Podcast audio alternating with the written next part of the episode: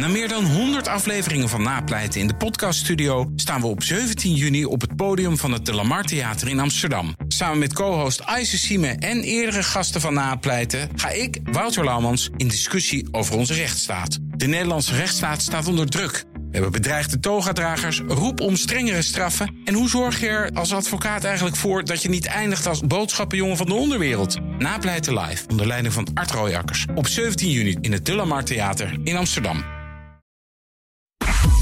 Werkverkenners wordt mede mogelijk gemaakt door BrainNet. BrainNet voor zorgeloos en professioneel personeel inhuren. BNR Nieuwsradio. Werkverkenners. Rens de Jong. Lege straten, lege kantoren en overbezette digitale snelwegen. Tja, iedereen vergadert met beeld, probeert de zaken via het internet zo goed mogelijk door te laten gaan. U weet het, we zitten midden in de coronacrisis. De vraag is: kan je je op zoiets voorbereiden? Ja, daar kan je je heel goed op voorbereiden. Oké. Je kan je inhoudelijk voorbereiden door uh, heatmaps te maken van mogelijke zwakke schakels in je organisatie die tot een crisis kunnen leiden. En je kunt ook je voorbereiden door te zorgen dat je goede processen en procedures ingericht hebben voor het geval dat het zich voordoet. Mhm. Die je dan kan gaan uitrollen om de crisis zo snel mogelijk te beheersen. En dan moet je niet in scenario's denken. Omdat je nooit precies kan verzinnen wat er op je afkomt. Ja. Dus je zal nooit volledig zijn. Maar wat doe je dan wel? Hoe kunnen we zo snel mogelijk een team bij elkaar zetten? Dat heet dan het crisisteam. Daar zijn alle disciplines in vertegenwoordigd die met die crisis te maken hebben. En thuiswerken. Het is het grootste thuiswerkexperiment ooit. Wereldwijd. Zouden alle initiatieven van nu blijvend zijn? Ik denk het eerlijk gezegd wel. Als ik zie wat er nu al in gang wordt gezet. Als ik zie dat natuurlijk zijn heel veel bedrijven waren al veel bezig met thuiswerken. Maar ik zag ook wel om me heen nog een aarzeling bij andersoortige bedrijven. Ik zie, als ik alleen maar al op LinkedIn door de, door de timeline scroll... hoe inventief iedereen is, hoe iedereen screenshots deelt van zijn online werkomgevingen... van de Google Hangouts, Zoom, Skype-meetingen... waar iedereen met het hele bedrijf is ingelogd. Ja, ik denk dat dit onomkeerbaar is. Dat steeds meer mensen merken, hé, hey, maar op afstand kunnen we prima samenwerken. Fysiek contact blijft heel belangrijk. Maar de manier van samenwerken, interactie, ja, ik denk dat dit echt een nieuwe blijvende verandering in gang heeft gezet. Werkverkenners. Eerst was het nog best ver weg. Chinese steden die op slot gingen. En toen ging ook Italië dicht. En nu zitten we zelf midden in de coronacrisis. De vraag is: hadden we ons hierop kunnen voorbereiden? Ja, als je niet weet wat er komt, kun je dan toch een plan klaarzetten voor als het noodlot toeslaat. Mijn eerste gast zegt eerlijk, hij had vooral, misschien niet helemaal het gepaste woord, geluk. Mijn naam is Bart Meerdink. Ik ben uh, partner bij Bekenstein Business School. Wij zijn een opleider. Wij zetten alleen maar vakdocenten in, dus alleen maar vakexperts. En dan vooral op het gebied van uh, data, digital marketing, digitale strategie en customer experience. Ja. En dat is een, uh, een prachtig vakgebied. Nou, en, en, we zouden elkaar normaal gesproken altijd in de studio uh, ontmoeten. Maar ja, jij zit thuis te werken. En ik Ja. zit uh, thuis te werken. Hoera. Dus, hoera. En wij hebben een Skype-verbinding die, die, nou ja... Het laat een beetje te wensen over. Het is, het is nog net weer telefoontijdperk eigenlijk. Eigenlijk, uh, we proberen stappen vooruit te zetten. En dit is dan toch even een klein stapje terug, lijkt het. Precies. hey Bart, uh, even, um, kun je nog iets meer uitleggen over wat jullie precies doen? Wij zijn een opleider. Wij werken alleen voor professionals met professionals. Hm. En dat doen we vooral met colleges in de klas. Dat doen we met case dagen. En dat doen we het laatste jaar ook al steeds meer en meer met een online leeromgeving. En ik denk, nou, deze hele coronacrisis zorgt ervoor dat we in uh, sneltreinvaart veel meer ja, veel sneller uh, gaan digitaliseren. Dus jullie zijn nu uh, geheel om aan het gaan uh, richting, laten we zeggen, een online businessmodel. Kun je je voorbereiden op iedere crisis? Ja, poeh. Nou, ik denk als ik heel eerlijk ben, deze hadden we natuurlijk niet voorzien. En hier hadden we ook geen draaiboek voor liggen. Ik denk dat we in die zin geluk hebben met, ja, dat, dat is een cru woord natuurlijk, want er zijn hele andere prioriteiten op dit moment. Ik denk als we kijken naar de business, hoe die door kan gaan, dan is het voor ons niet per se een nadeel dat alles nu vanuit huis gaat en alles online. Want? Ik denk dat wij al de, omdat wij, wij zitten heel erg in de digitale hoek, uh, met digitale marketing, digitale strategie. Dat zorgt ervoor dat ook de docenten die we inzetten vaak al wel handig zijn met digitale tools. Dat is een voordeel. Maar misschien nog wel belangrijk is dat we eigenlijk al wel eerder de cultuur hadden van dingen proberen, dingen testen. Willen innoveren met elkaar. Fouten maken mag. Elke keer kijken hoe we het weer net wat slimmer kunnen doen. Mhm. En wat we eigenlijk al langer wouden gaan inzetten, was internationalisering. Dus wij kijken soms wel verlekkerd naar een, een, MIT, een Columbia Business School. Die hebben mooie online programma's draaien. Met een online business coach, goede één op één sessies, online discussies, leuke werkvormen die je online kan doen met groepen. Daar zaten we al wel een beetje verlekkerd naar te kijken. En nu gebruiken we de situatie om dat nog sneller te gaan doorvoeren. Dus wellicht is dit ook een kans, ja je weet het nooit. Maar ja, wellicht is dit ook een kans om onze programma's eh, meer internationaal te gaan aanbieden. Ja, Bart had deze crisis dus nooit zo durven voorspellen, maar denkt wel dat een cultuur waarin falen mag, kan helpen.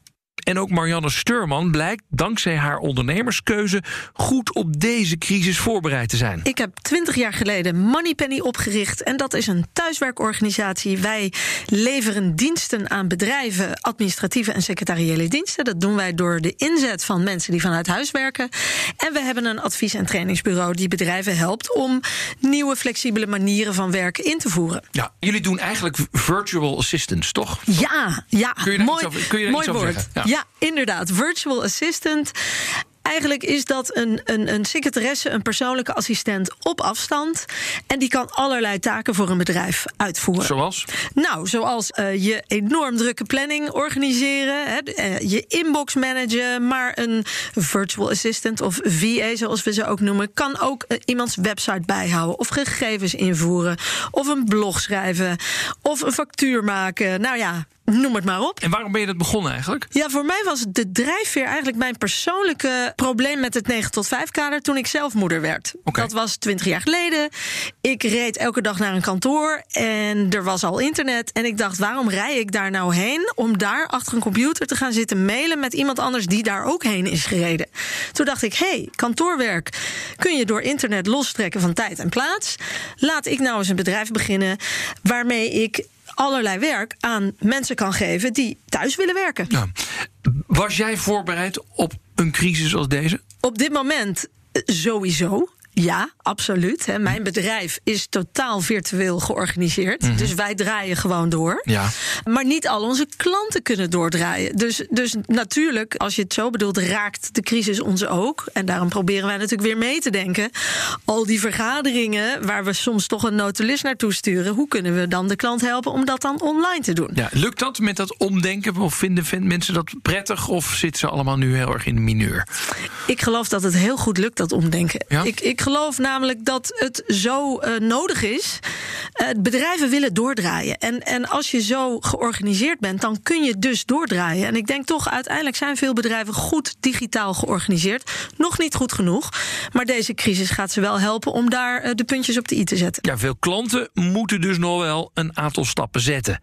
Dan een crisismanager. Die hoorde je aan het begin al kort stellen dat je je op iedere willekeurige crisis kunt voorbereiden. Mijn naam is Marjolein van Oort. Ik ben gespecialiseerd in crisismanagement. En eh, liever formuleer ik het als crisis readiness. Dus liever voorkom je dan dat je het moet beheersen als het zich voordoet. En, en wie zijn dan jouw klanten? Ik doe veel werk in de telecomsector. Ik doe veel werk in de luchtvaart. Ik doe veel werk eh, in consumentenorganisaties, financiële sector. Nou, dat soort dingen. Ja. Kun je je voorbereiden op een crisis? Ja, daar kan je je heel goed op voorbereiden. Oké.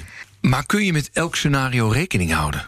Nee, en daarom is dus ook de scenario-benadering niet de benadering eh, die in het veld wordt voorgestaan of die ik zelf hanteer. Dus je gaat niet ergens als er nog niks aan de hand is. Nou, wat voor rampen kunnen ons allemaal overkomen? En daar dan plannetjes voor bedenken. Nee, niet zo out En, of the blue. heb je wel een plan, maar past net niet. Nou, en wat er dan natuurlijk gebeurt, is omdat ik dat plan heb, ga ik dan toch dat plan maar uitvoeren. Oh ja. Maar de werkelijkheid is anders. Dus je bent iets aan het uitvoeren wat helemaal niet past op wat er echt aan het gebeuren is. En nou zeg jij, wij ik werk volgens een andere methode. En jij noemde dat net eh, processen en middelen. Ja. Leg even uit. Ja, dus wat wij doen is wij focussen op processen, middelen, middelen eh, methoden, eh, besluitvormingstechnieken. Dat betekent dat we ons eh, focussen op hoe kunnen we zo snel mogelijk een team bij elkaar zetten. Daar zijn alle disciplines in vertegenwoordigd. Dus dat is altijd operations of technology in een techbedrijf. Dat is altijd iemand die de klanten vertegenwoordigt. Dus de, de vertegenwoordiger van business to business of van business to consumer. Daar zit altijd iemand van legal of regulatory in. Daar zit altijd iemand van communicatie in. Ja. Externe communicatie en interne communicatie. heel wezenlijk. En er zit vaak, hebben we ook wel iemand in ieder geval stand-by staan... die alles kan doorrekenen. Dus de financiële consequenties van alles en, wat en we dat is verzinnen. eigenlijk het, het crisisteam. En, Dat en is het dat is het proces. crisisteam. Dus je zegt, jongens, als er een crisis is, roepen wij het crisisteam bij elkaar. Ja, we roepen het crisisteam bij elkaar. Maar die mensen die werken natuurlijk normaliter niet echt op die manier met elkaar samen. Dus je moet die mensen leren hoe ze onder hele hoge tijdsdruk. eh, hele eh, impactvolle beslissingen moeten nemen. eh, op basis van informatie uit al die disciplines. En wat we dus doen is we trainen die mensen in ook besluitvormingsprocessen. Nou, daar, zijn eh, eh, speciale processen voor. Dat, dat, dat heet het BOP-model. Maar wat is het BOP-model dan? We gaan eerst informatie verzamelen. Dus we gaan eerst, dat is de B van beeldvorming. Eh, dan gaan we naar de O van oordeelsvorming. Dan gaan we bedenken, op basis van alle informatie die we verzameld hebben uit al deze disciplines, wat kunnen we allemaal eh, bedenken aan oplossingen. Mhm. En daarna gaan we daar een besluit over nemen. Dus de B van de besluitvorming. Ja. En dat gaan we ook uitrollen. Ja, oké. Klinkt overdacht. Ja, het Ja. is een hele overdachte methode, maar je moet die methode wel trainen. En mensen moeten daar wel. Want ze moeten het snel doen. Ze moeten het heel snel kunnen doen. Ja, ja, ja, precies, en je moet dus ook heel snel in staat zijn om uit de informatie die je krijgt van al die andere disciplines op waarde te schatten, Mhm. mee te wegen in je eigen oordeelsvorming. Iemand die altijd alleen maar met sales bezig is, die denkt in sales. Maar die moet nu opeens ook. Operations gaan nadenken of Ja, communicatie. En communicatie. En ze moeten dus opeens heel geïntegreerd in een multidisciplinair team samenwerken. Straks willen we kijken of deze crisis ons ook dingen leert die onze manier van werken voor goed veranderen. Je hebt nu gezien dat werken en samenwerken op afstand gewoon prima werkt. Dus waarom zou jij niet je geografische rijkwijde vergroten Ja. in het zoeken naar personeel? Misschien kunnen mensen die parttime werken wel hun uren op gaan plussen als ze ook thuis mogen werken. En misschien is er wel veel meer mogelijk. Rens de Jong. Maar op dit moment zitten we er nog middenin. De coronacrisis. Wat zijn de belangrijkste actiepunten? Wat moet je doen om een crisis voor je bedrijf beheersbaar te maken? Nou, zoek je zwakke plekken op, zegt de crisismanager. Nou, waar je dan aan moet denken? Een voorbeeld. Je levert vitale infrastructuur en ehm, je weet dat je op een bepaald, in een bepaald deel van het land eigenlijk een te grote consumentenuitvraag hebt of eh, van bedrijven dan dat jouw techniek op dat moment aan kan. En je weet dat je daar dus moet opschalen, maar je, je krijgt dat niet snel genoeg voor elkaar, bijvoorbeeld omdat de, er niet snel genoeg geleverd wordt door je leveranciers. Nou, dan weet je dat je daar zwak bent. Daar moet je dan eh, eh, maatregelen op nemen om te voorkomen dat dat helemaal misgaat. Ander voorbeeld, eh, je hebt grootzakelijke klanten en je hebt met die klanten afspraken dat als jij jouw dienst niet levert, dat je dan een boete moet betalen na een bepaald aantal uur.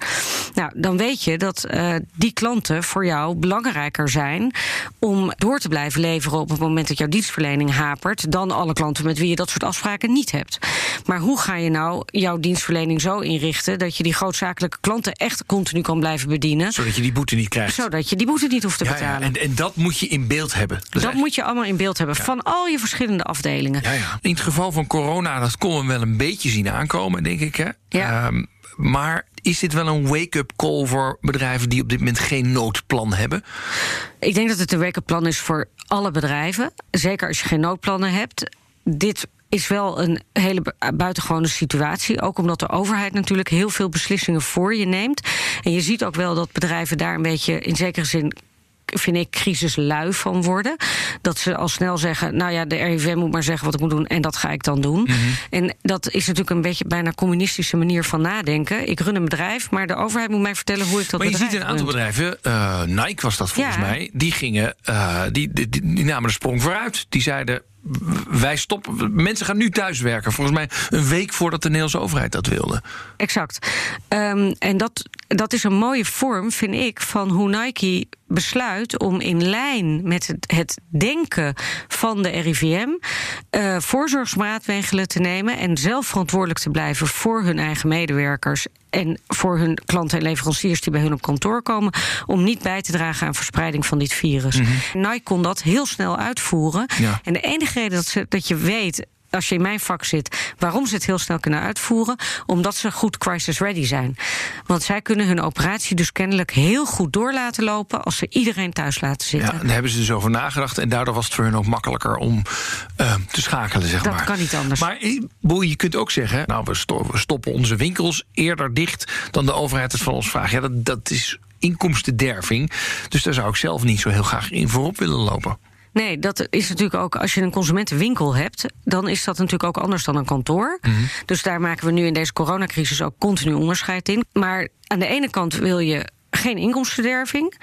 Aan de andere kant moet je een veilige werkplek voor je medewerkers en een veilige plek voor je klanten waarborgen. Dat is precies wat er gebeurt in een crisis, dat je dat soort moeilijke afwegingen maakt. Voor die afweging stond ook opleider Bart Meerdink. Voor corona vond 80% van de lessen fysiek in een klaslokaal plaats.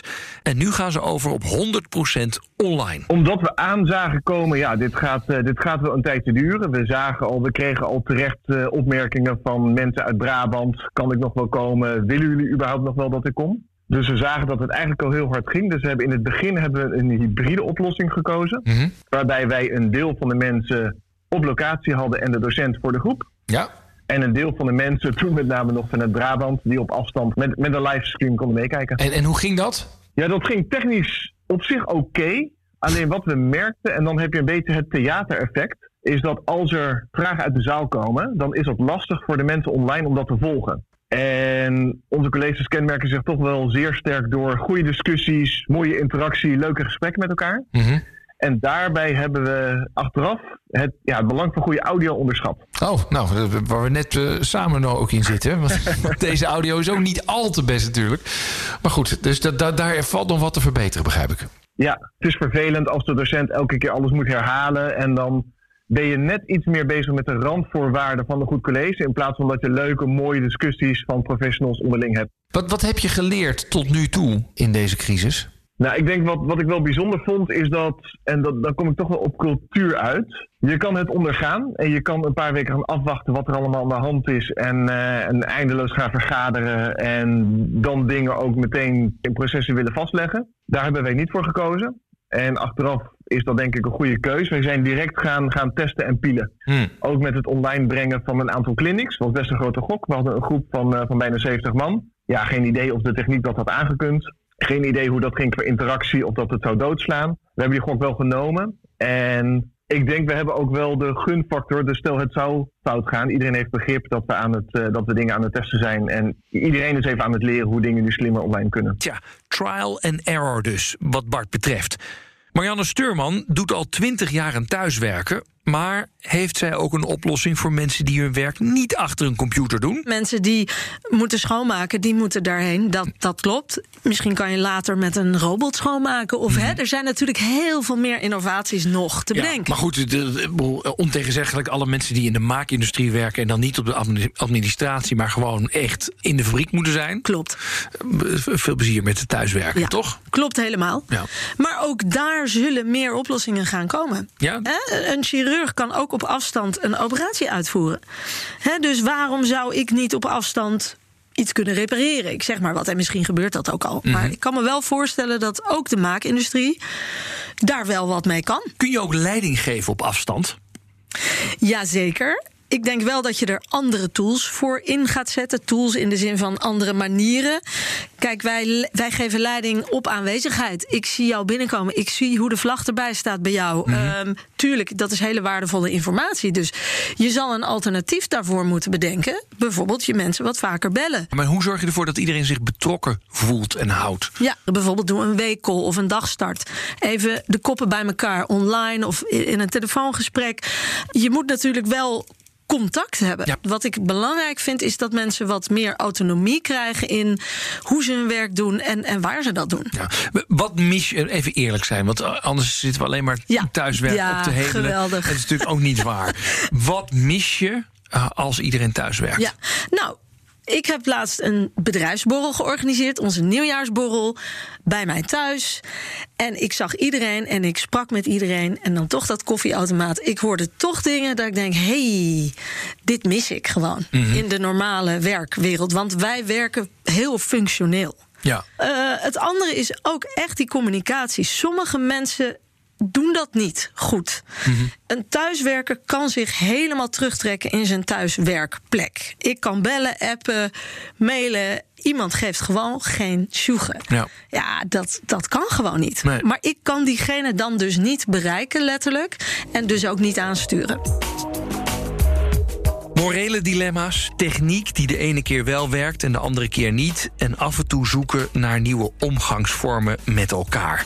Lastig, maar misschien levert het ook wel verbeteringen op die ons werkende leven voor goed gaan veranderen. Ik denk sowieso het negatieve in de zin van een bedrijf die hier niet klaar voor was, die zorgt wel dat hij er volgende keer wel klaar voor is. Het is natuurlijk slim om je bedrijf totaal werkplek onafhankelijk te organiseren. Even los van of jij wel of niet een kantoor houdt. Want dan kan je alle kanten op. Dus ik denk dat daarin bedrijven nog wel zeker hun eigen werkprocessen en digitalisering kunnen verbeteren. Maar ik denk zeker dat mensen nu in oplossingen gaan denken om bepaalde kantoorsituaties toch te virtualiseren.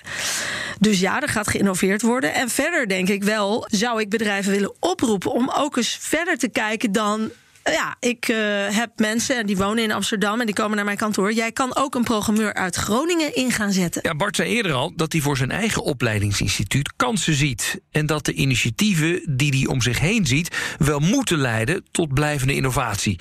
En voorzichtig fantaseert hij ook of het lerarentekort dankzij al deze plannen kan worden opgelost. Dat geldt zowel voor kinderen als meer professionals, wat we voor Bekenstein doen bijvoorbeeld. Op afstand kan je prima kennis tot je nemen. En ik heb ook kinderen, als ik nu zie wat er in de klasse-app allemaal rondgaat. Ik zie een meester Mark op YouTube die online gymklassen geeft. Ik zie allemaal leuke tools dat je sommen kan doen. Uh, rekenen met veel meer gamification elementen toegevoegd. Ja, ik geloof heel sterk dat dat de toekomst is. Aan de andere kant puur online leren zonder de context of de discussies van andere professionals of van de docent of een leraar, ja, dan blijft het wat karig. Dus ik denk online heb je allemaal prachtige tools, zowel voor, nou, voor peuters, uh, middelbaar als voor professionals. Maar het, het, het overleggen met elkaar, de context van een expert, ja, die blijft super belangrijk. Maar ik, ja, ik geloof dat kan zowel in een klas als online. Ja, maar uiteindelijk hoor ik jou wel een beetje zeggen: als dit allemaal weer over is, dan heb ik ze toch graag wel voor een gedeelte weer terug de klas in. Ik denk dat het beide zal zijn. En ik denk voor bepaalde dingen is het gewoon lekker om elkaar even in de ogen te kunnen kijken. Als je een hele dag aan een opdracht, aan een mooie case werkt, ja, dan wil je post-it kunnen plakken. Dan is het lekker als je een beetje de benen kan strekken en met elkaar in dezelfde ruimte bent, tuurlijk. Dus ik, ik denk misschien is hybride, een hybride vorm, deels online, deels klassikaal, is dat wel de, ja, de meest efficiënte vorm. Blijvende verbeteringen? Crisismanager Marjolein van Oort hoopt het. De grootste crisis die over ons heen gaat komen is niet de volgende epidemie, maar is het structurele klimaatvraagstuk. Mm -hmm. En ik hoop dat deze crisis ons gaat leren dat we ook op andere manieren met elkaar solidair kunnen zijn. Want dat zie je heel erg. Mensen zijn ontzettend solidair met elkaar nu. We hebben echt een gezamenlijke nieuwe vijand. En dat is eigenlijk de natuur. Terwijl de natuur natuurlijk onze beste vriend zou moeten zijn. Daar zijn we onderdeel van. En ik hoop dat we als samenleving leren hoe we die solidariteit weer kunnen vasthouden om dat klimaatvraagstuk aan te pakken. Ja. Dus dit is een mooie oefening in solidair zijn en, en met je eensgezind een bepaalde richting op te gaan. Ja, dat ja. is natuurlijk toch een aspect dat we een beetje kwijt waren in de ja. wereld. En het gekke is natuurlijk wel, zo'n pandemie is zo ongelooflijk acuut. Hè, dat je denkt, pad. Twee weken geleden stond ik nog ergens in Oostenrijk op de latten. En ja. opeens is het, uh, nou, alles anders. Ja. Terwijl met klimaat is natuurlijk een soort train crash in slow motion. Ja. Dus dat duurt zo lang dat we het bijna niet zien. Totdat de, de erupties natuurlijk komen. Dit is natuurlijk een eruptie daarvan. Ja. Uh, het feit dat deze pandemie nu over ons heen komt, uh, dat heeft niet zoveel met klimaat te maken, maar wel met dat we met iets te veel mensen op deze aarde leven. Daardoor gaat het natuurlijk zo snel. En dan wordt het opeens wel heel acuut. Dus dat sluimerende heeft hele acute uh, erupties. En als je er daar vier van heel snel achter elkaar hebt, dan denk ik dat je wel genoeg geschrokken bent om te denken: misschien moeten we ons leven ietsjes anders gaan inrichten. Dus om op iedere crisis voorbereid te zijn, moet je op zoek naar de zwakke plekken binnen je organisatie. En zorgen dat je daar onder alle omstandigheden oplossingen voor hebt. En dat kun je doen met een BOP: beeldvormer, oordeel vellen en een besluit nemen.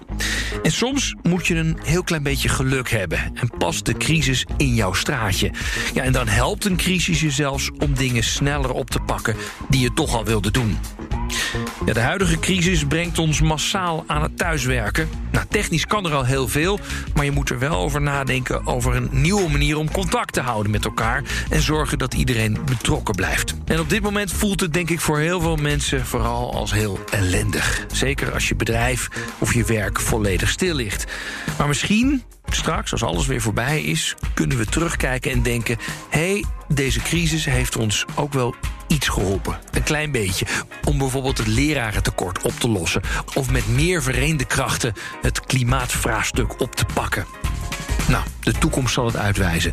Dit was Werkverkenners voor deze week. Volgende week dan krijg je weer een verse. Om half vier op dinsdagmiddag. En in je podcast-app kun je hem op ieder moment luisteren. En als je ons leuk vindt, deel ons dan op LinkedIn. Dan weten andere luisteraars ons ook te vinden. Tot de volgende keer. Dag. BNR Werkverkenners wordt mede mogelijk gemaakt door BrainNet. BrainNet voor zorgeloos en professioneel personeel inhuren.